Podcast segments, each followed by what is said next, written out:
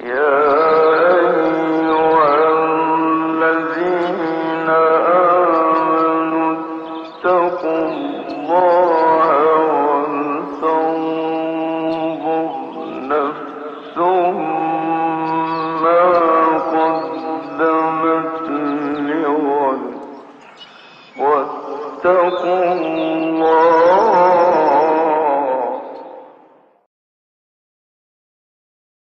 Bismillahirrahmanirrahim.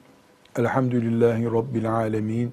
Ve sallallahu ve sellem ala seyyidina Muhammedin ve ala alihi ve sahbihi ecma'in. Osmanlı dönemi ulemasından İmam Birgivi'nin Et-Tarikatul Muhammediye isimli kitabından okuma yapıyoruz. Kitabımız Allah'ın kitabı Kur'an-ı Kerim'e sarılmış Müslümanlar olarak yaşamayı bize emreden ayetler ve hadislerle başlamıştı. Ondan sonra da Resulullah sallallahu aleyhi ve sellemin sünnetine sarılmış Müslümanlar olarak yaşamayı e, emreden, öğütleyen ayetler ve hadislerle başladı. O ayetleri okuduk, hadisleri okuyorduk. Şimdi o hadisi şeriflere devam edeceğiz. Resulullah sallallahu aleyhi ve sellem peygamberimizdir. Peygamber Allah'ı temsil ediyor. Dolayısıyla bizim Allah'a imanımız, bu imanın sonucu olarak cennet beklentimiz, bütün bunlar Resulullah sallallahu aleyhi ve selleme uymamızla mümkündür. Ona uymamız da kağıt üzerinde değil, hayat pratiği üzerinde gerçekleşmelidir. Hayat pratiği üzerinde Resulullah'a sallallahu aleyhi ve sellem uyarak, izinden giderek yaşamak demek, bizim Müslümanlar arasındaki literatürümüzde, literatürümüzde sünnet ehli olmak demektir.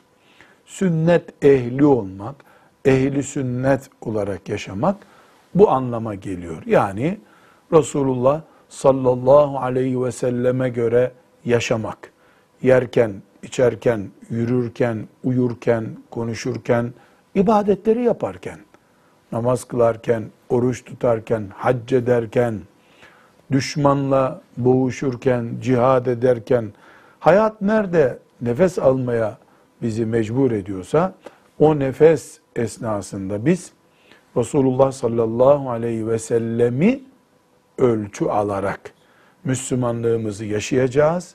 Bu ehli sünnet olmak, Peygamber aleyhisselamın sünnetine göre yaşamak anlamına gelecek. Bunları defalarca vurguladık. Zaten böyle olduğuna da elhamdülillah iman ediyoruz. Burada bir sıkıntı aslında yok. Sıkıntı şurada olabilir. Ee, Müslüman insan fark etmeden bu prensibi zedeleyebilir. Kolay kolay Müslüman ben Resulullah'a bağlı değilim demez. Deyince Müslüman olmaz zaten. Peygamber aleyhisselamın şu eksiği vardı, şunu yanlış yaptı Haşa demez bir Müslüman. Ama Peygamber aleyhisselama uymak, onun peşinden gitmek ve dolayısıyla sünnet ehli bir insan olmak anlamına gelen hadisi şeriflerine ufak tefek yan bakışlar sonunda Resulullah sallallahu aleyhi ve sellemi yok kabul etmeye götürebilir. Böyle bir felaket Müslümanın başına gelebilir.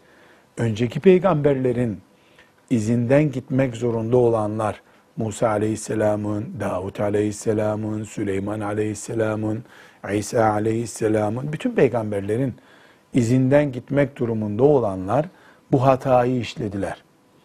Peygamberlerine yok senin gibi peygamber biz kabul etmiyoruz diyen olmadı. Kafirler onu dediler öyle. Ama ne yaptılar? Davut Aleyhisselam'ın sünnetlerini, onlara çizdiği çizgileri elleriyle değiştirmeye kalktılar. Davut Aleyhisselam'ın, Süleyman Aleyhisselam'ın sözlerine şekil vermeye kalktılar. Şunu demek istemişti aslında. Musa bize aslında şu dedi ama o böyle demek istiyordu diye iç okuma yapmaya kalktılar. Sonunda da Allah onların ayağını tamamen kaydırdı. Dinleri ve kitapları ellerinden gitti. Onun için Allah ashab-ı kiramdan razı olsun. Onlar Peygamber aleyhisselam efendimizin ne sağlığında ne de vefat ettikten sonra Peygamber aleyhisselam efendimiz okuma yapmadılar onun üzerinden. Yani böyle dedi ama şunu demek istiyordu aslında diye onun sözlerini yönlendirmediler. Ne duydularsa onu olduğu gibi kabul ettiler, tartışmadılar, yorumlamadılar, evirip çevirmediler. Peygamber aleyhisselam efendimizin sözlerini tertemiz, tıpkı onun ağzından çıktığı gibi ağzına da Allahu Teala'nın kalbine ilham ettikleriyle geldiği gibi yani tıpkı Allah'tan indiği gibi taptaze yemyeşil bir din e, bize miras kaldı. Ashab-ı kiramın bu titizliği sayesinde. Maazallah eğer ashab-ı kiram Musa aleyhisselama yaptığı gibi onun ashabı yapacak olsalardı bugün biz İslamiyet diye bir şey bulamazdık. Resulullah sallallahu aleyhi ve sellem Efendimizin mirası kaybolup giderdi çöllerde. Hatta Medine'nin içinde şehirde bile kaybolurdu. Elhamdülillah öyle bir şey olmadı. Allah takdir buyurdu zaten kıyamete kadar baki kalmasını. Ee, ashab-ı kiram da bu işte büyük gayret gösterdiler. Biz ashab-ı kiramın gireceği cennete inşallah girmek için arzusu olan, heyecanı olan Müslümanlar olarak biz de e, ashab-ı kiram gibi Resulullah sallallahu aleyhi ve sellemin sözlerini bize intikal eden sadeliğiyle ve berraklığıyla sahiplenmek, yaşamak, bir sonraki nesle aktarmakla mükellefiz. Rabbim buna hepimizi muvaffak kılsın. Demek ki e, yandan bucaktan şöyle evirip kıvırıp Resulullah sallallahu aleyhi ve sellemin kimliğine, sözlerine karşı, hadis-i şeriflere, sünnetine karşı tavır koymak gibi, gevşeklik göstermek gibi bir hareket, sonunda Resulullah'ın karşısına çıkmak kadar ağır bir tehlikeye bizi sevk edebilir. Resulullah'ı sallallahu aleyhi ve sellem karşısına alan Allah'ı karşısına alır. Allah'ı karşısına alan da maazallah dinden gider. Şimdi hadis-i şerifler okuyacağız. Bizzat Peygamber aleyhisselam efendimizin mübarek lisanından bu hadis-i şerifleri göreceğiz ki Allahu Teala ve peygamberi böyle bir laubali zeminde bulunmamıza müsamaha etmiyor vesselam. Bu anlamdaki hadisi şerifleri hocam sırayla okumaya devam edelim. An Cabir radıyallahu anh kal, Cabir radıyallahu anh'tan rivayet edildiğine göre şöyle dedi. Kâne Resulullah sallallahu aleyhi ve sellem izâ hatabe yahmerrat aynahu. Efendimiz sallallahu aleyhi ve sellem hutbe okuduğunda gözleri kızarırdı. Hocam buna hutbe okuma demeyelim. Hatabeyi konuşma olarak tercüme edelim biz. Daha iyi anlaşılır. Çünkü hutbe sanki doğru yani o anlam doğru ama hutbe sanki sadece cuma namazını yansıtıyor. Halbuki Resulullah sallallahu aleyhi ve sellemin bütün konuşmalarına hatabe Resulullah diyor sahabe aleyhissalatü vesselam. Günlük konuşmalarından ayrılıyor ya bu. Ondan dolayı böyle ifade ettim. Normalde e, halk içerisinde konuştuğu vakitte hatabe denmiyor. Ama, hatabe nedir? Herkes kalabalık- susuyor, bir kişi dinliyor, konuşuyor. Ona hutbe diyoruz. Öbürüne muhadese diyoruz. Yani konuştu, ona cevap verildi. Hutbede sadece bir kişi konuşuyor. Ama bu cuma hutbesine mahsus değil. Yani herhangi bir gün mesela sabah namazından sonra çıkıyor minberinde hatabe Resulullah diyor. Resulullah sallallahu aleyhi ve sellem hutbeyi irade etti diyor. Yani tercüme olarak yanlış yok ama hutbe verdi de sanki cuma namazında konuştu gibi olmasın diye. Bir konuşma yaptı. O konuşmasında Resulullah sallallahu aleyhi ve sellemin yüzü mübarek yüzü kıpkırmızı oldu. Yani gergin olduğu ortaya çıktı buyuruyor. Evet. Ve ala savtuhu ve sesi yükseldi. Yani konuşma yaptı o gün. Konuşmada gözleri kızardı sallallahu aleyhi ve sellemin. Sesi yükseldi. ve ştedde gadabuhu öfkesi arttı. Gadap derken burada da öfkeyle beraber yani gerginlik diyelim daha iyi olur. Durup dururken kızdı gibi olmasın. Evet.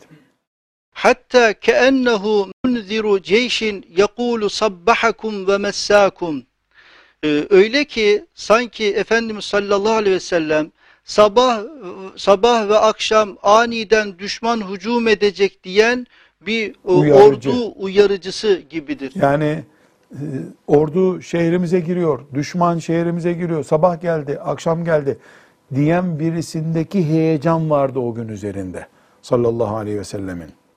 Ve yekulu ve diyor bu'istu ene ve sa'atu kehateyni ve yakrunu beyne isba'ayhi es-sebbabeti vel vusta Ee, orta ve işaret parmağını yan yana, yan yana getirici olduğu Bu halde yapıyor. İki parmağını birleştiriyor. Bakın bakın böyle yani bakın bakın böyle ne demek? Yani bunlar kaç santim araları olur? 2 santim, 3 santim. Hadi 5 santim olsun büyük parmaklı birinde. Yani bunlar yakınlığı göstermek için. şu iki parmak birbirine yakın olduğu gibi ben de e, kıyamet günü kıyamete yakın bir zamanda gönderildim Ben diyor. ve kıyamet bu kadar yakınız birbirimize. Ben ve kıyamet birbirimize bu kadar yakınız. Kim diyor bunu? Sallallahu aleyhi ve sellem Efendimiz. Ben ve kıyamet birbirimize bu kadar yakınız. Yani kıyamet uzak değil dikkat edin. Özeti bu bunun. Kıyamet uzak değil. Bunu söylediğinde Efendimiz sallallahu aleyhi ve sellem e, dünya 7. asrına gidiyordu. Şimdi Resulullah sallallahu aleyhi ve sellem'den sonra da 14 asır geçti. O gün bu kadar yakınız kıyametle diyordu Efendimiz sallallahu aleyhi ve sellem. Bu sözün doğruluğunda hiçbir sıkıntı yok. E peki şimdi ne kadar kalmıştır kıyametten? Zaman bilmeyiz. 100 sene, 200 sene, 10 sene demeyiz. Ama kıyamete yakındık, çok daha yakın olduk deriz. Ve yekulu ve şöyle der. Emme ba'du fe inne hayral hadisi kitabullahi muhakkak ki sözlerin en hayırlısı Allah'ın kitabıdır. Ve hayral hediyi hedyu Muhammedin yolların en hayırlısı da Muhammed'in yoludur. Ve şerrel umuri işlerin en şerlisi de muhtesatuhâ sonradan din diye ortaya atılan şeylerdir. Ve külle bid'atin dalaletun ve her bid'at sapıklıktır. Allahu Ekber ve lillahil hamd. Bu hadisin kaynağı Müslim. Dolayısıyla hadisi şerif sahih mi? Sahih. Yani Müslim'deki bir hadis için sahih mi diye sormaya da gerek yok. Allah sahabeden razı olsun. Cabir radıyallahu anh'tan ne kadar e, sanki bir film izliyormuşuz gibi duygusal anlatıyor. Konuşuyordu gözleri kızardı diyor. Sesi yükseldi diyor. Gerginliği arttı diyor. Neden? Çok ciddi ve kalıcı bir konuşma yapıyor sallallahu aleyhi ve sellem Efendimiz. Buradan talebe kardeşlerimize bir ders çıkaralım. Hafız Salih. Ee, demek ki konu ağırlaştıkça konuşan hocanın da gözlerine, sesine, yanaklarına yansıması lazım bunun. Cehennem sahnesini anlatırken ders olarak herhalde çok kalabalık olacak orası. Şöyle ateş olur, yanabilirsiniz filan denmez. Ateş, ateşten söz ediyorsun. De, bizzat Efendimiz sallallahu aleyhi ve sellem rahmeten lil alemin olduğu halde bak Cabir radıyallahu anh nasıl tarif ediyor onu gözleri kızardı diyor. Ee, yani doktor abi bir insanın gözünün kızarması normal bir konuşmayla olmaz herhalde değil mi? Yani normal insan sesini bilerek e, sesini yükseltir ama bilerek göz kızarıklığı oluşur mu bir insanda konuşurken? Yani muhakkak e, yüksek duygularla konuşuyor. E, sahabe iki şey yansıtıyor bize burada. Birincisi kıyamet çok yakın böyle iki parmağın yakın olduğu kadar yakınız biz diye bilgi veriyor. Sonra ve şöyle buyurdu diyor. Ve şöyle buyurdu. Ne buyurmuş şöyle buyurduğu? Ee, en değerli söz Allah'ın kitabıdır. En değerli yöntem Muhammed Aleyhisselam'ın yöntemidir. sonradan çıkan şeyler, dine sonradan ilave edilenler şerdir, kötülüktür. Ve her sonradan dine ilave edilmiş şey buna bid'at diyoruz, dalalettir. Yani sapıklıktır. Şimdi Cabir radıyallahu anh Allah ondan razı olsun. O duygusal sahneden bize iki şey yansıtıyor. Bir kıyametle ilgili Efendimizin heyecanı var. Koptu kopacak kıyamet gibi bir tasavvur halinde demek ki Efendimiz sallallahu aleyhi ve sellem. Ama ne zaman kopacağını o da bilmiyordu değil mi? Çünkü sorulduğunda ne bileyim buyurdu. Ne bileyim de dedi ona Allahu Teala. Şimdi Efendimiz sallallahu aleyhi ve sellemin o kıyamete yakın zannettiği ya da o heyecanla gözleri kızaracak kadar kıyamet heyecanı taşıdığı bir atmosferde ümmetine kıyamete kadar aktarılacak söz olarak Allah hangi konuşmasını bize naklediyor? Kur'an'ın ağırlığı. Kur'an en değerli söz olacak. İki, Resulullah sallallahu aleyhi ve sellemin hidayeti, yön, yöntemi, uygulaması, tavsiyesi daha iyisi olmayan yöntemdir. Üçüncüsü de dine sonradan bir ilave getirilirse bu beladır. Sonradan din diye uydurulan bir şeyde hayır yok. Blok olarak İslam'ın karşısına yeni bir din çıkarılınca da bu bir beladır. Kötülüktür, şerdir. Ne kadar modern olursa olsun aynı şekilde bir Müslümanın e, hiçbir şekilde razı olmayacağı dinin içine ilave yapmak. Namaz beş vakit. Altı vakite çıkaran sapıklık yapıyordur. Namaz beş vakit. Dört vakte indiren sapıklık yapıyordur. Sabah namazı iki rekat. Ben bunu dört kılayım, altı kılayım diyen sapıktır. Resulullah sallallahu aleyhi ve sellemin ve ashab-ı kiramın yapmadığı bir şeyde hayır yok. Niye ashab-ı kiram diye kayıt koyuyoruz? Çünkü Efendimiz sallallahu aleyhi ve sellem Raşid halifelerin sünnetini de ne saymıştı bir önce okuduğumuz hadis-i şerifte? O da benim sünnetim gibidir deyip kendisinden sonraki 30 senelik sahabe uygulamasını teminatı altına aldı Efendimiz sallallahu aleyhi ve sellem. Bu hadisi şerif bariz bir şekilde şunu söylüyor. Müslüman kıyamet heyecanı diye bir heyecan taşıyorsa Kur'an'ı hep bir numara tutacak. Yöntem olarak Resulullah sallallahu aleyhi ve sellem'den gelen her şeyi bir numara tutacak. Ve dine ilaveden çok korkacak. Dini yontmakla dine ilave yapmak suç olarak aynı şey. Aynı hata ikisi de. Buna dikkat edecek. Burada geliniz bir tefekkür yapalım. Şimdi Müslümanın bir şairin şiirini okumasında haram bir şey değilse, cinsel bir şiir değilse bir sakınca var mı? Yok. Atasözü kullanmakta bir sakınca var mı? Onda da yok. Peki e, Müslümanlar bilmece doldurabilirler mi mesela?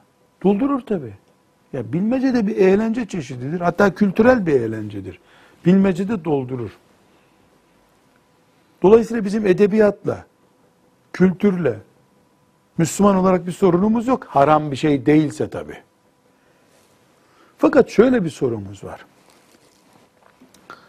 Bir takvim yaprağının üstünde ayet, altında bir atasözü olur mu? Şunlar benim kütüphanemde kitap. Şimdi kabul edin ki ben diziyorum. Şu Yunus Emre Divanı. Bu Türk Atasözleri Sözlüğü. Bu Kur'an-ı Kerim. Bu coğrafya ansiklopedisi. Bu da çocuğun okuldaki kitabı. Şu beş kitabı böyle rafa koyabilir miyim?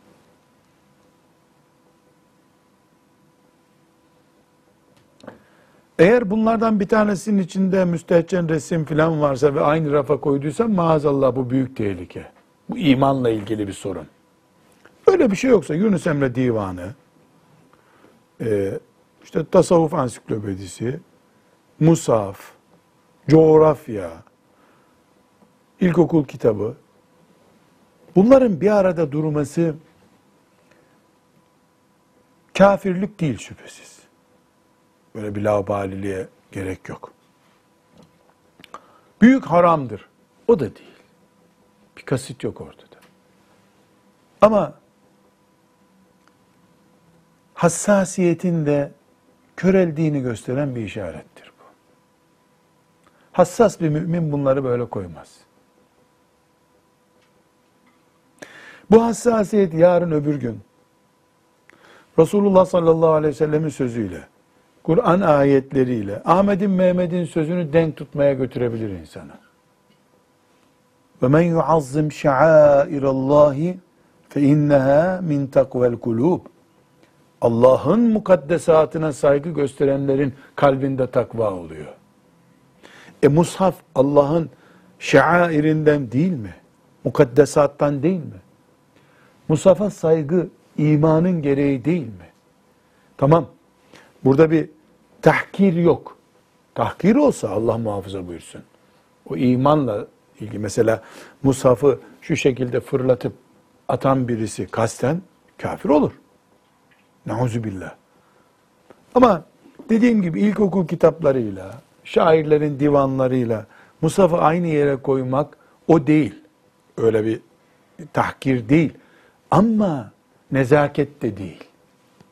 Şimdi bu hadisi şerifi bu mantıkla tekrar ele almak istiyorum. Ne diyor? Kıyametten söz etti. Bu kadar yakın, iki parmağım kadar yakınız kıyametle dedi. Özet olarak sallallahu aleyhi ve sellem Efendimiz. Sonra da ne buyurdu? En değerli söz Allah'ın kitabıdır.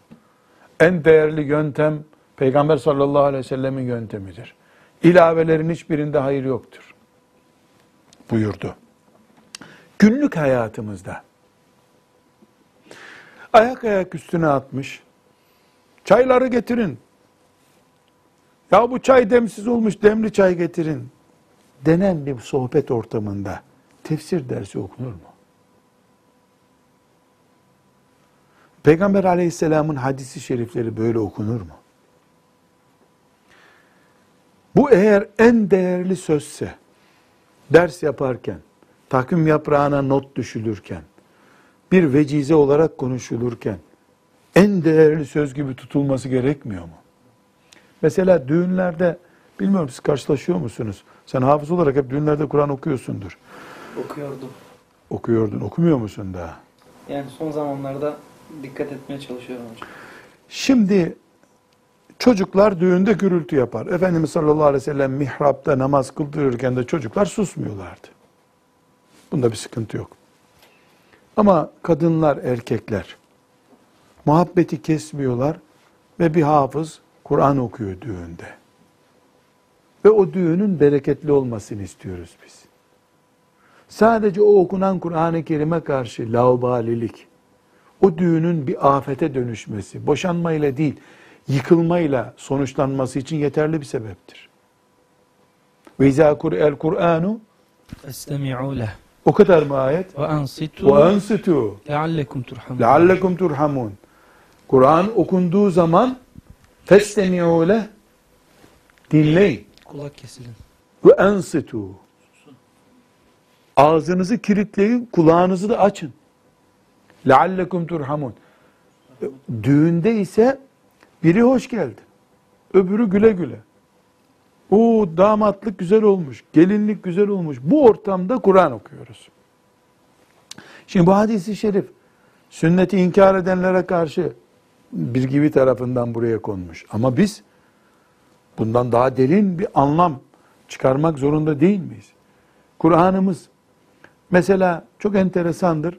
Camilerde ikinden sonra genelde aşırı şerif okunur. Hele hafızsa imamlar okurlar. Hiç dikkat ettiniz mi bilmiyorum. Böyle e, işte dua yapılıyor. Dua bittikten sonra bazı insanlar Kur'an okunacağını anlayınca radyatörün kenarına çekiliyor, direğin kenarına şöyle bir yaslanıyor. Hani çay molası verildi der gibi. Halbuki Allahu Teala o Kur'an-ı Kerim'e gösterdiği saygıya göre namazını kabul edecek belki de. Şimdi bu hadisi şeriften, Müslim'in bu hadisinden Kur'an-ı Kerim'e saygının ideolojik boyutu var. İman kitabımız bizim. Yani ideolojik bilinen bir kelime olduğu için kullan. İdeolojik bir saygı, imani bir saygımız var.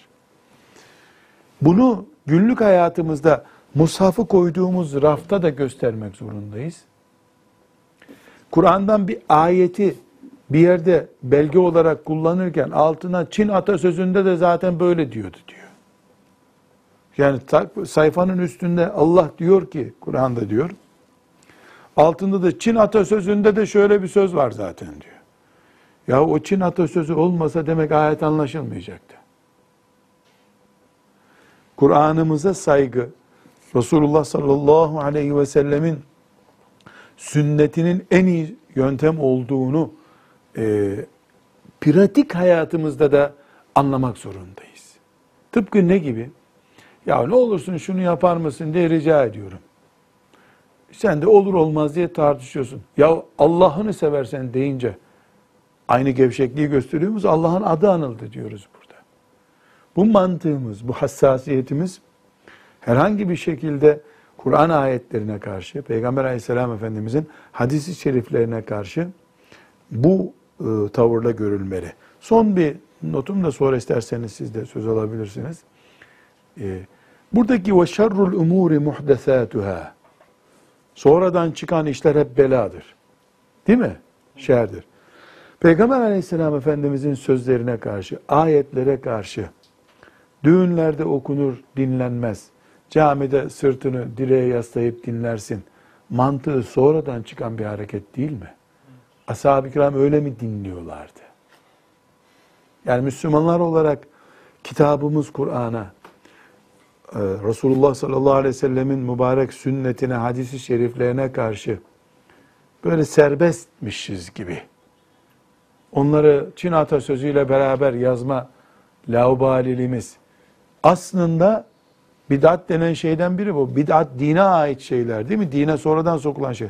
E dindeki saygı bölümünde böyle bir şey yok. Söylediyse Resulullah sustuk demektir. Şu İbn Mace'nin girişinde mi okumuştuk onu?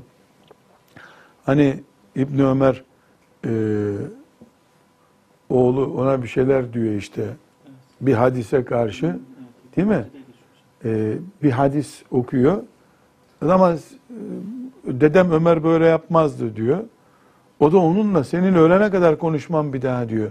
Resulullah dedi diyorum sallallahu aleyhi ve sellem sen nasıl Ömer dedi dersin o arada diyor. Halbuki çocukcağız yani Resulullah sallallahu aleyhi ve sellem böyle buyurdu ama dedem Ömer'in bildiği bir şey mi vardı acaba diye merak edip soruyor. Belki Ömer başka bir şey biliyordu diyor. Sen Resulullah dediğim yerde Ömer nasıl dedin diyor. E şimdi dinin aslı böyle. Ashab-ı kiram böyle yaşadılar dini. Biz Peygamber aleyhisselam efendimizin sözlerini sanki rahat konuşabiliriz gibi algıladığımız zaman en kötü şerre düştük demektir. Burada var mı söyleyeceğiniz sizin? e, sahabe-i kiramın e, peygamberimizin e, Sallallahu konuşmasını aleyhi sallallahu aleyhi ve sellem konuşmasını dinlerken başlarının üzerinde kuş varmış gibi e, o kadar e, titizlikle dinliyorlardı. Yani e, nasıl ki başının üzerinde bir insanın kuş olsa böyle küçük bir hareket ettiğinde uçacak. Yani peygamberimizin ağzından çıkacak bir ifadeleri kaçıracak endişesiyle çok titiz bir e, dinleyişleri vardı. Ee, Rabbim o ihlası ve samimiyeti hepimize nasip etsin ama ne yazık ki e, bir miktar e, yontuldu bu saygımız. Siz bir şey mi söyleyeceksiniz? Hocam burada e, bize şöyle bir uyarı var herhalde. Hani biz aykırı bir iş gördüğümüzde kıyamet alameti deriz halk arasında. Peygamber Efendimiz sallallahu aleyhi ve sellemin kıyameti hatırlatması. Sonra söyleyeceği söz. Bize böyle inti- o arada başka konuşması var Efendimizin ama aleyhissalatü vesselam. Yani Cabir radıyallahu anh ve sonunda böyle dedi diyor ya. Yani Efendimizin konuşması uzun. Ama bize Allah'ın intikal ettirdiği bu hadisteki bölümde Cabir radıyallahu anh ağzından çıkıp gelen bölümde kıyamet ve o son cümlesi var. Tespit doğru evet. İnşallah yani bu ciddiyetle dinlemek ve pratik yapmak da hepimize nasip olur. Hadis derslerinde denk geliyoruz da hocam. Riyaz Evler çalışmasındaki hadis derslerine gittiğimiz zaman şimdi hadis okuyorsunuz, okuyoruz. Hadis okurken birisi telefonla meşgul oluyor. İşte bir tanesi giriyor, öteki çıkıyor. Halbuki hadis okunuyor. Şimdi sahabe-i kiram uygulamasının bu noktada anlaşılmadığının İbn bir Ömer göstergesi. radıyallahu anhuma yok mu orada? Böyle birini görse cep telefonuyla uğraşırken. Ya şimdi Talha hocam daha büyük bir afet Efendimiz sallallahu aleyhi ve sellemin kabrinin başında selfie midir nedir onu yapıyor insanlar. Yani bir de Efendimizin bunu uyarması hocam e, bizim karşılaşacağımız bir tehlike Afet. bu. Tabii. Müstakbel tehlike gördü bunu demek ki. Evet. Allah'ın kitabının değer kaybetmesi Müslümanların gözünde. Efendimiz sallallahu aleyhi ve sellemin hidayet, yöntem, tarzlarının e, farklı gibi algılanması bir gelecek müstakbel bir afet, kıyamet alameti gibi olabilir. Doğru. Safız Salih senin söyleyeceğin var mı? Bu düğünü az önce gündeme getirdik de hocam. Gerekirse e, düğünlerde Kur'an-ı Kerim'in bile okunmaması gerekecek bu gidişle. Eğer bu saygısızlık yapılacaksa okumayalım daha iyi. En azından e, Kur'an'a karşı saygısızlık yapılmamış olsun. Öbür türlü hem Kur'an okunuyor hem Kur'an'a saygısızlık yapıyor. Elde olan bir şey yok ki sıfır. Zaten şu var yani bir dipnot olarak bunu koyalım. Düğünde Kur'an okunur diye bir şey yok ya. Düğünün İslamileşmesi sanki onunla ortaya çıkıyor gibi bir algı var ama halkta. Tabii düğün salonundaki ve düğünden önceki, düğünden sonraki görüntülerin hepsinin kamuflaj malzemesi o Kur'an-ı Kerim. Oluyorsa bu daha büyük bir vebal. Yani kabahatlerimizi Kur'an okuyup kapatma vebali ya da işte madem saz çalınmıyor, zurna yok burada bari Kur'an olsunsa o daha da kötü. E, programlarda da aynı şey var hocam. Mesela sizle de e, şehir dışı programlarına gittiğimiz zaman görüyoruz. Salon dolana kadar en azından Kur'an-ı Kerim başlasın saat geldi. O sırada da zaten dolar insanlar hocaya kadar salonu doldurmuş oluruz. Dolgu malzemesi. Yani Kur'an-ı Kerim dolgu malzemesi gibi oluyor. Bu da çok büyük bir afet. Ama okuyanda da var. Dün hatırlıyor musun gittiğimiz Evet. yerde hafız e, işaret hem okuyor hem işaret ediyor suyumu getirin falan gibi böyle. E, büyük afet bu. Nauzu billahi teala. Yani e, takke farz değil mesela Kur'an-ı Kerim ama Türk halkı e, hafızın üzerinde takke olur. Takkeli okur diye düşünmüş. Böyle bir takke ciddiyeti yok. Başlıyor o arada su göremedi hem okuyor hem eliyle işaret ediyor alttan suyumu getirin diyor. Ee, ondan sonra suyu getirdi aç doldur işaret. O arada okuyor ama. O arada okuyor. Gözüyle salonu izliyor. E Allah'ın kitabını mı okuyorsun? Şiir mi okuyorsun? Bazen de süre tayin ediyorlar. Diyorlar ki mesela kaç dakika sürer? 7-8 dakikadan aşağı olmasın ki ona göre diğer programı organize edeceğiz diye. Ben bir, bir iki defa sizden de derslerde duyduğum şekliyle örnek vermiştim. Ya bu programlardan birinde mesela çağrılan hafız e, Euzu Besmele çekse sonra da Asır suresini okusa bir dakikadan az sürse okunan Kur'an-ı. Kerim ya bir dakika sonra inse Allah Allah insanlar ya bu hafız başka bir yer bilmiyor mu yoksa yani aklımı karıştı Asır suresini niye okudu falan Tabii derler abi. gibi herhalde. Asır suresi olur mu? Çok az o. Halbuki Asır suresi neredeyse mana itibariyle Kur'an-ı Kerim'in İmam Şafii ne diyor onun için? hiçbir sure olmasaydı sadece Asır suresi olsaydı yeterdi bu müminlere. Yani bu bile artık yani Kur'an-ı Kerim'in programlardan önce veya işte belli yerlerde okunmasının ne duruma geldiğini gösteren belgelerden biri. Burada Maalesef. şu var. e, şimdi Arap ülkelerinde bizdeki kadar değil Kur'an'la başlama. Çünkü bizde bir Kur'an hasretiyle bir 50 sene geçirdi Müslüman halkımız. Yani değil Kur'an'ın okunması, okuyanların bir toplantıya çağrılmadığı, adam yerine konmadığı bir ortalama 50 sene geçirildi. Ee, samimi söyleyecek olursak iyi bir Kur'an hasreti var Müslüman halkımızda. Bu imandan kaynaklanıyor.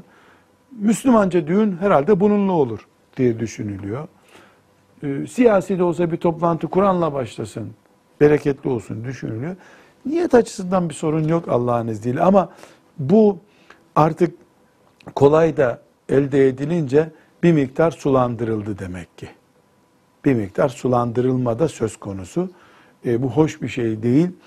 E, hele hele Kur'an okuyan hafızların Kur'an'ın azametini temsil etmeyecek bir pozisyonda olmaları e, çok kötü. Dünkü toplantıda yani elhamdülillah fazla uzatmadı yoksa yeter Hafız Efendi zahmet etme diyesim geldi. Orada durmak da caiz değil. Orada durmak da caiz. Yani çocuk olsa çocuk yapar bunu. 8 yaşında bir çocuk hafız da olsa oynar yani Kur'an'ı. Reşit bir adam 20-25 yaşlarında birisi Kur'an okuyor. Evet hatta daha önceki programlardan birinde yine denk geldik hocam. Beraber iki kişi çıkıyorlar.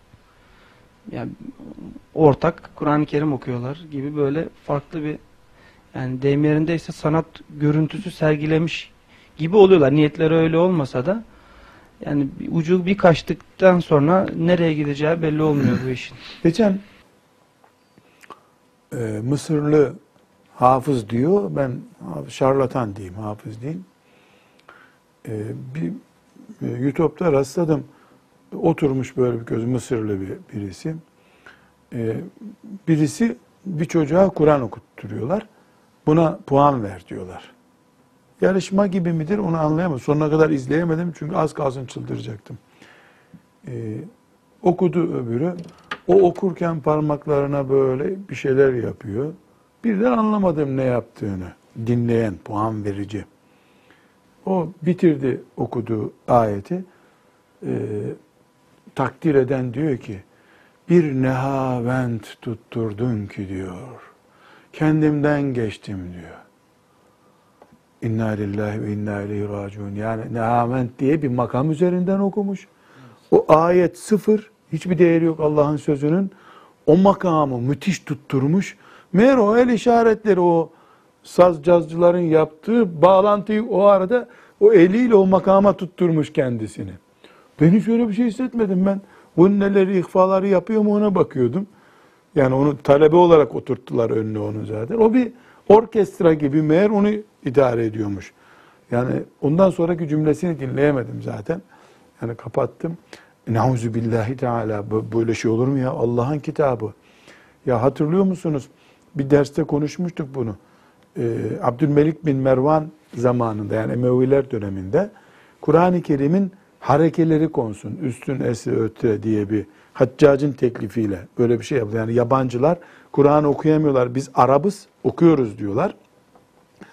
Ee, hareketsiz yani bu şimdi Tarikat-ı Muhammediye'de hareketsiz okuduğumuz gibi Musaf'ın üzerine hareke konsun diyorlar da yani Kur'an-ı Kerim'e müdahale Allah'ın kitabına ilave mi yapıyorsunuz diye buna tepki göstermişler. Ya Allah razı olsun yoksa biz Kur'an'ı okuyamayacaktık şimdi. Üstün müessese mi ötre mi?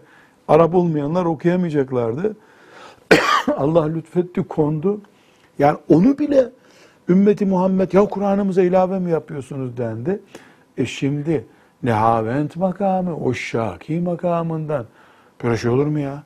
Tevrat'a bu zulüm yapıldı da Allah Tevrat'ı geri aldı. Bir de alkış e, afeti var hocam. Yani Kur'an-ı Kerim okunuyor. Dün hafız alkışladılar değil mi? Alkışladılar. Yani iki şey düşünülebilir. Ya hafız alkışlanıyor, çok güzel okuyor diyor. O zaman Allah'ın kelamı nerede kaldı? Eğer öbür türlü ise haşa Allah'ı mı alkışlıyoruz biz? Kitabını. E, Kur'an-ı Kerim müşrikleri nasıl tanıtıyor Enfal Ve suresinde? ma kana salatuhum indel beyti illa mukaen ve tasfiye. tasfiye. Ve Tasfiye ne? Alkış. Alkış. Yani müşrikleri Kur'an-ı Kerim tanıtırken siz alkıştan başka bir şey bilmezsiniz diyor. O ayeti okuyan hafız alkışlanıyor bu arada. Bu tabi işte bidatlar nasıl giriyor, nasıl yaygınlık kazanıyor, bu soruların hepsinin cevabı bu. Yani ufak bir taviz veriyorsun bir miktar. O taviz sonra din oluyor. Onu yapmayan da kabahatli oluyor. Rabbim muayenimiz olsun ama Kudüs'ü kafirlerin işgalinden korumak için himmet gösterdiğimiz gibi imanımızı, akidemizi, muamelatımızı, ibadetlerimizi, mümin örfümüzü de işgalden korumak zorundayız. Bu işgal bazen kendi bireylerimiz tarafından ortaya atılıyor. Yani çok önemli. Bizim bir mümin örfümüz var. Ta ashab-ı kiramdan beri. Mesela Türkler Müslüman olunca bir örf sahibi oldular. Bu örfte şamanizmin kalıntılarını attılar. Şeriata uygun hale getirdiler. Şeriata uygun örf çok muhteşem bir şey. Bu da korunması lazım. Çünkü o gitti mi sıra sünnetlere geliyor.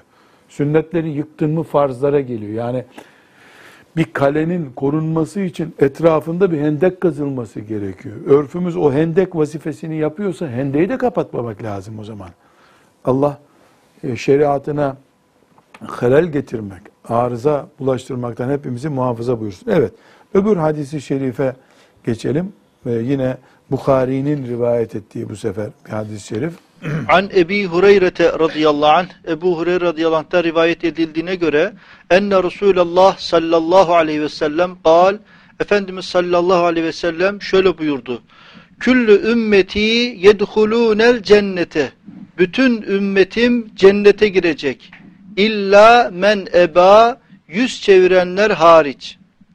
Kalu ya Resulallah ve men ye'ba e, ashab-ı kiram ya Resulallah yüz çeviren kim? Kim diye yüz çevirir ki senden? dedi. Kal e, Efendimiz sallallahu aleyhi ve sellem şöyle buyurdu. Men eta'ani dehalel cennete her kim bana itaat ederse o kimse cennete girer. Ve ben asani fekad ebe her kim e, bana karşı gelirse o yüz çevirmiş olur. Evet, burada dikkatimizden kaçmaması gereken muhteşem bir e, müjde var, riskli bir uyarı var. Muhteşem müjde nedir?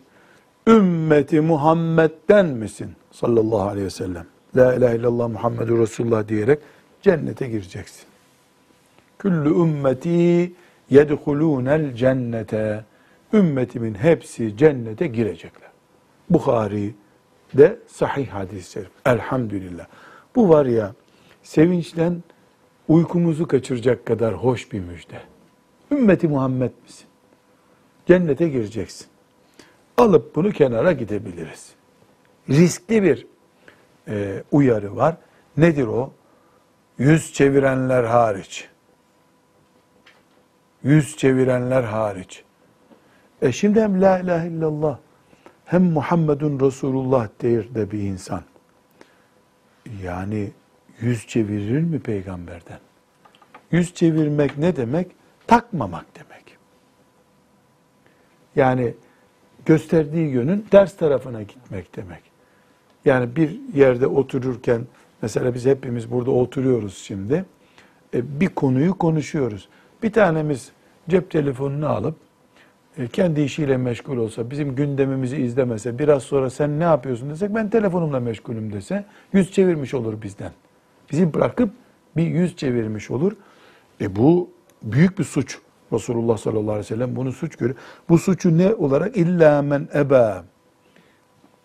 Ancak yüz çeviren hariç diyor. Bu cennete girecekleri konuşurken yüz çeviren girmeyecek gibi oluyor. Sahabe Allah ondan razı olsun hemen soru soruyorlar. Senden kim yüz çevirir ki ya Resulallah? Kim Muhammed Aleyhisselam'ı bırakar?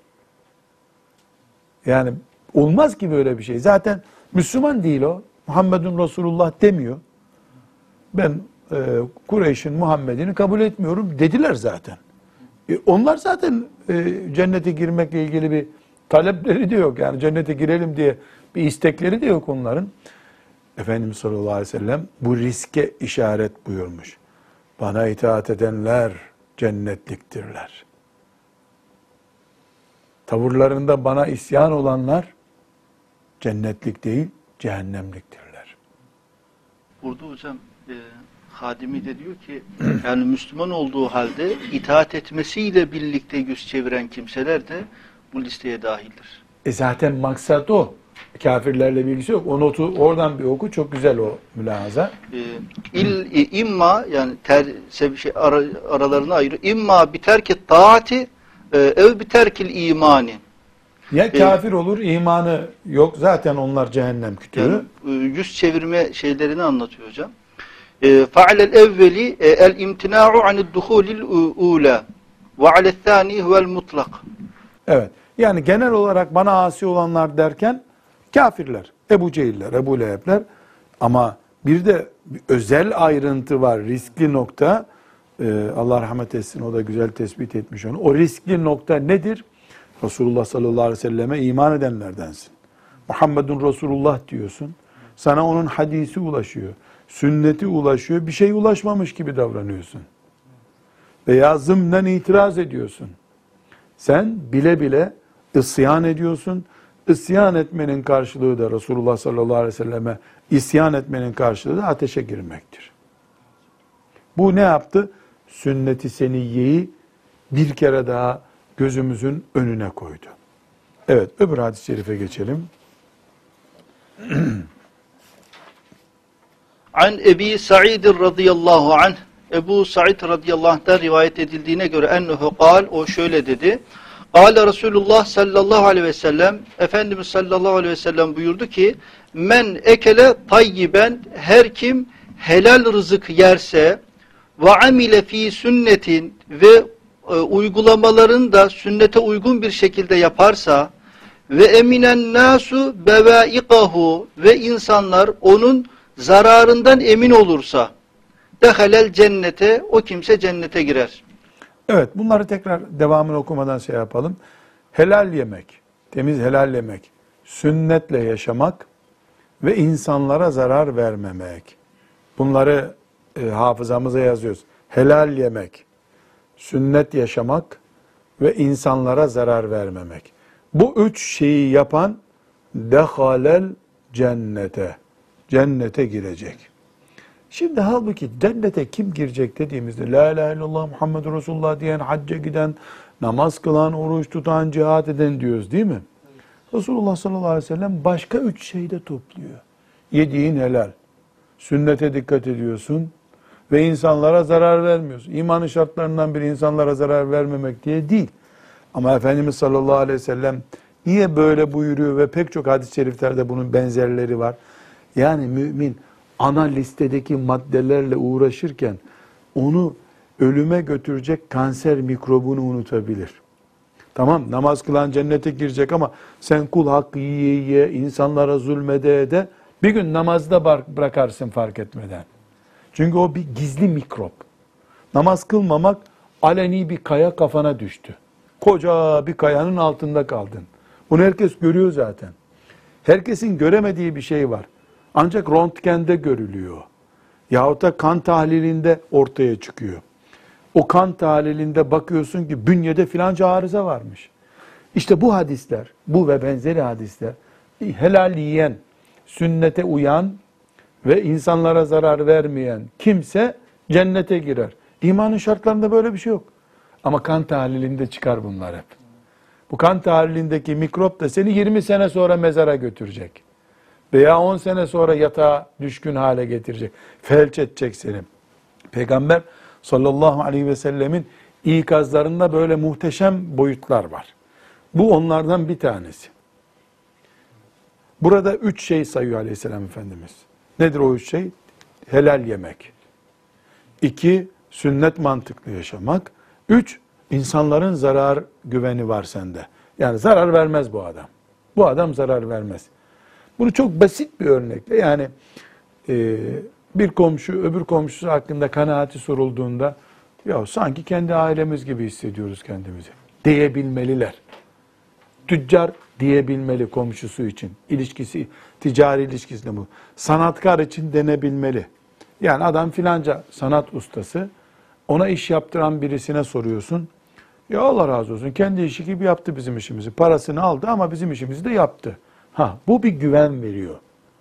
Yoksa sadece hırsızlık yapmamak, adamın dükkanından bir şey çalmamak değil bu. İnsanlar ne istiyorlar? Gözü malımda olmasın. Eli ensemde olmasın. E, veyahut da imzası benim canıma kastetmesin. Neyse artık yani. Güven veren Müslüman. Şimdi böyle olunca bunlar cennete girerler. Helal yiyen, sünnete dikkat eden, ve insanlara zarar vermeyen cennete girer deyince ashab-ı kiram ne deyivermişler? Kalu ya Resulallah e, ashab-ı kiram dedi ki ey Allah'ın Resulü inne hâdâ fî ümmetikel yevme kethîrun e, senin anlatmış olduğun bu listede yer alan kimseler bugün çoktur. Bugün ümmetin hep böyle zaten. Yani şimdi sahabe baktı ki bedava cennet ya. Helal yemek zaten ashab-ı kiram Medine'de haram yiyorlar mıydı? Ambalajlı, zehirli yiyecekler var mıydı Medine'de? Yok. E zaten sünnete uymayana Müslüman demiyordu kimse. E kimse dükkanını kapatmıyordu, dük namaza gidiyorlardı. Bilal'in ezanı duyulunca o dükkan tezgahı ortada herkes namaza gidiyor. Kimsenin kimsenin malında gözü yok. Kimse kimseye iftira etmiyor. Böyle bir sorun yoktu Medine'de. Allah ashab-ı kiramdan razı olsun. Ne kadar hassas insanlar. Ya Resulallah yani farklı bir şey olmadı burada. Sen cennet vaat ettin ama herkes zaten cennetlik. Ne buyurmuş o zaman? Ve seyekûnu fî kurûnin ba'di yakında benden sonraki Ba'di. Benden sonraki zamanda bunun önemi anlaşılacak. Bunun önemi benden asırlar sonra anlaşılacak. Kurun cem'u karn. Asır. Benden sonraki asırlarda bu anlaşılacak. Ya Resulallah sallallahu aleyhi ve sellem. Allah salat selam etsin Efendimiz'e. Ne kadar güzel haberler bırakmış bize. Demek ki Medine'de çok önemli değildi bu. Herkes helal yiyordu. Kola mı içiyorlardı Medine'de? Kola diye bir dert, asitli yiyecek diye bir dert mi vardı? Zaten bir kuyudan su çekiyorlardı. Onu içiyorlardı içerlerse. Hurma tertemiz yiyecek. Kimse kimsenin malından haram yemiyor. Sünnet peygamber demekti zaten. Kimse kimseden dayak yemiyordu. Ama bakıyoruz ki benden sonra bu olacak. Benden sonra ortaya çıkacak. Buyuruyor sallallahu aleyhi ve sellem Efendimiz. Yani demek ki ters taraftan dikkatimizi çekiyor. Kıyamete kadar Müslümanların üç şeyin hassasiyetini göstermesi lazım cennete girmek için. Ne bu hassasiyetler? Bir, helal yemek. Cennete girmenin. Şimdi cennete girmekten söz ettiğine göre o cennetten yukarı doğru çıkıyoruz şimdi. Helal yemek. E, Hocam buradaki tayyip kelimesi de çok şey, ilginç. Yani burada hadiste he- helal ifadesi değil aslında tayyip tertemiz. Yani e, Ayetten hatırlayalım. Külü min tayyibati ma. Zaten pis helal değil ki. hayır, hani en Helalin hepsi de temiz. şüphe olur. Yani şüphe de olsa yine bir helallik söz konusu var. Ama tayyiplikte hiçbir Tertemiz. tertemiz. Evet doğru. Tertemiz. Helale zaten öyle bakıyoruz. Helal nedir? Bu şüphelileri çıkardığımız zaman tertemiz olan şeydir. Temiz yiyor. İki, sünnet kalitesinde yaşıyor. Üç, kimseye zarar vermiyor. Şimdi buradan Doktor Ali abi biz oturup bir konferans yapsak yani bütün ilim adamlarını çağırsak desek ki annelere babalara yetiştirmek istediğiniz çocukların temel üç karakteri şudur desek. Bir, tertemiz yiyeceksiniz, helal yiyeceksiniz. Çocuklarınızı bu mantıkla yetiştir. İki, sünnet mantıklı çocuklar olacak. Resulullah sallallahu aleyhi ve sellemin sünnetini hayat krokisi olarak karşılarına alacaklar. Üç, Resulullah sallallahu aleyhi ve sellemin sünnetine uyan, helal yiyen biri olarak kimse sizden korkmayacak. Güvenli Müslüman olacaksınız. Güven veren Müslüman olacaksınız desek. Bu üç ifade sosyal hayatı yansıtıyor mu yansıtmıyor mu sizce? Hocam o e, üç ifade hayatımızda gerçekleşirse e, kitaplarımızda geçen Medine-i Fazıla dediğimiz problemsiz, sorunsuz bir topluluk ortaya çıkar. Yani hem emin insanlar, hem sünnet uygun yaşayan insanlar, hem helal beslenmiş insanlar. E, sosyologların, psikologların arayıp da bulamayacağı bir toplum ortaya çıkar. Psikologlar işsiz kalır İşsiz burada. kalır. Yani Emniyet müdürlüğündeki görevliler de işsiz kalır. işsiz kalır. Burada e, adi vaka olmaz, hırsızlık olmaz, e, efendime söyleyeyim e, gasp olmaz, hakka tecavüz olmaz. E, tam e, aranan bir toplum ortaya çıkar ki bu sadece asr-ı saadette oldu maalesef. E zaten sahabe de bunlar çok ya Resulallah bir fark yok burada diye hemen sorma ihtiyacı hissetmiş. E ortada bir fark yok ki bu zaten ümmeti Muhammed böyle. Medine böyle bir şehir zaten. Sallallahu aleyhi ve sellemin sağlığında öyleydi. Ama benden sonraki zamanlar var. Çünkü kıyamete kadar yaşayacak ümmeti Muhammed. Hocam Mekke'de Hazreti Bilal radıyallahu anh ehad dediğinde bütün İslam'ı temsil ediyordu. Tek o kelimeyle. Ah, Evet. Allah bir demesi. Mümin yüreği temsil Evet. ediyordu. Yani bunu demesi Allah'ı, ahireti, cenneti, cehennemi, Resulullah, sünneti hepsini kabul ettiği anlamına geliyordu. Evet. Daha sonra La ilahe illallah dedi Müslümanlar. Bu daha kapsamlı oldu, kabul etti. Medine gelindiğinde ise Muhammed Resulullah denmesi gerekiyor. Çünkü Yahudiler de biz de Allah'a inanıyoruz, cennete inanıyoruz, cehenneme inanıyoruz diyorlardı. Muhammed Mustafa sallallahu aleyhi ve sellem inanmazsanız bunun bir anlamı yok denildi. Resulullah bize başka bir haber veriyor sallallahu aleyhi ve sellem. Diyor ki işte bizden sonraki asırlarda yani La ilahe illallah Muhammed Resulullah de, diyecekler olacak ama sünnetime e, şey yapacaklar. Muhalif olacaklar. Yaşamlarını uygulamayacaklar. E, bundan dolayı da cenneti elden kaçıracaklar. Her halükarda e, bu hadis-i şerif buraya sünnetin önemini vurgulamak için kondu. Yani sünnet üzere yaşayan cennete girecek. Sadece ortadaki cümleyi çıkarırsak bu bundan rahat anlaşılıyor. Sünnet üzere yaşayan cennete girecek. Sünneti ihmal eden, sünneti yok sayan Resulullah sallallahu aleyhi ve sellem'in sünnetini yok sayan birisi maazallah cennete girmeyecek. Tabi burada her zaman vurguluyoruz. Ee, şunu tekit edelim ki bir yanlış anlaşılma nedeni olmasın. Yani bir Müslüman bir ay içerisinde 3-5 sünneti iş yoğunluğundan, gafletinden e, ihmal edebilir. Farza meşgul olurken o onu kaybetmiş olabilir. Bu bu değil bizim sıkıntımız. Sünneti bloke etmek, yani ikinci plana itmek. Peygamber sallallahu aleyhi ve sellemin Efendimizin varlığını sanki olmasa da olur gibi anlayacak bir yoğunlukla sünneti ezmekte sıkıntı var.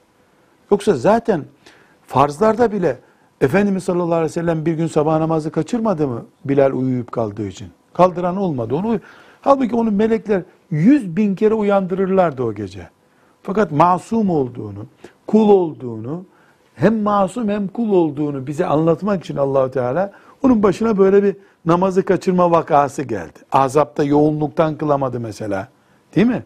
Ee, Ahzab harbinde bir namaz sorunu oldu. Bu, bu da kulların da başına gelir. Her bir, her bir Müslümanın başına gelir. Bu başka bir şey.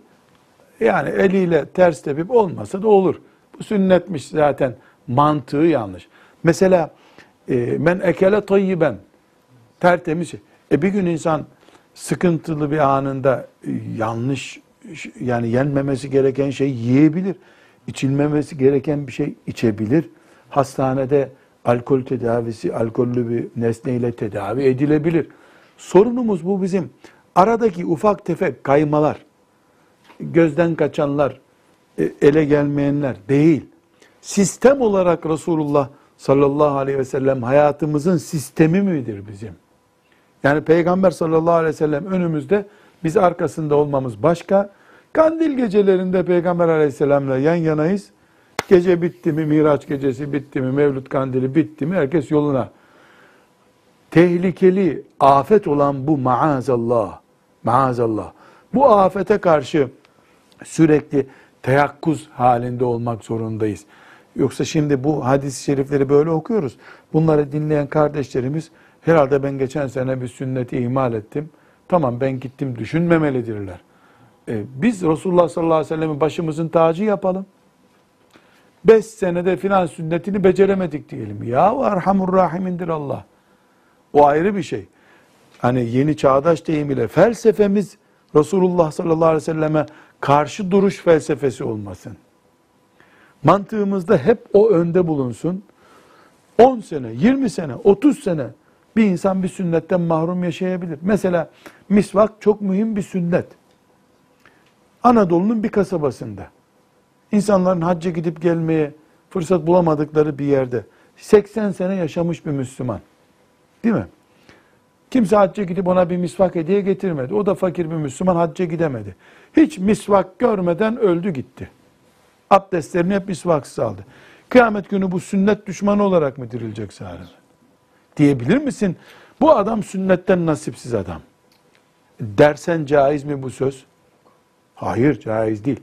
Ama ağız temizliği misvak gibi bir sünnet ya.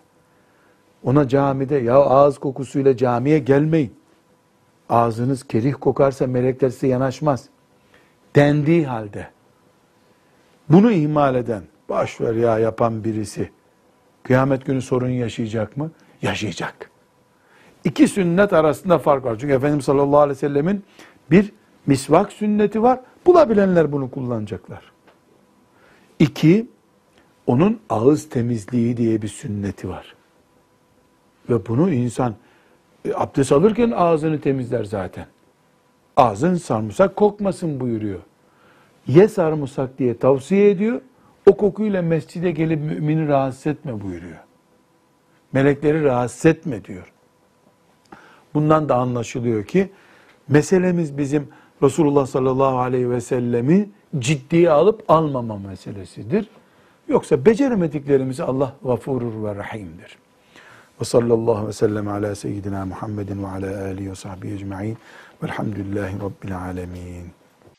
يا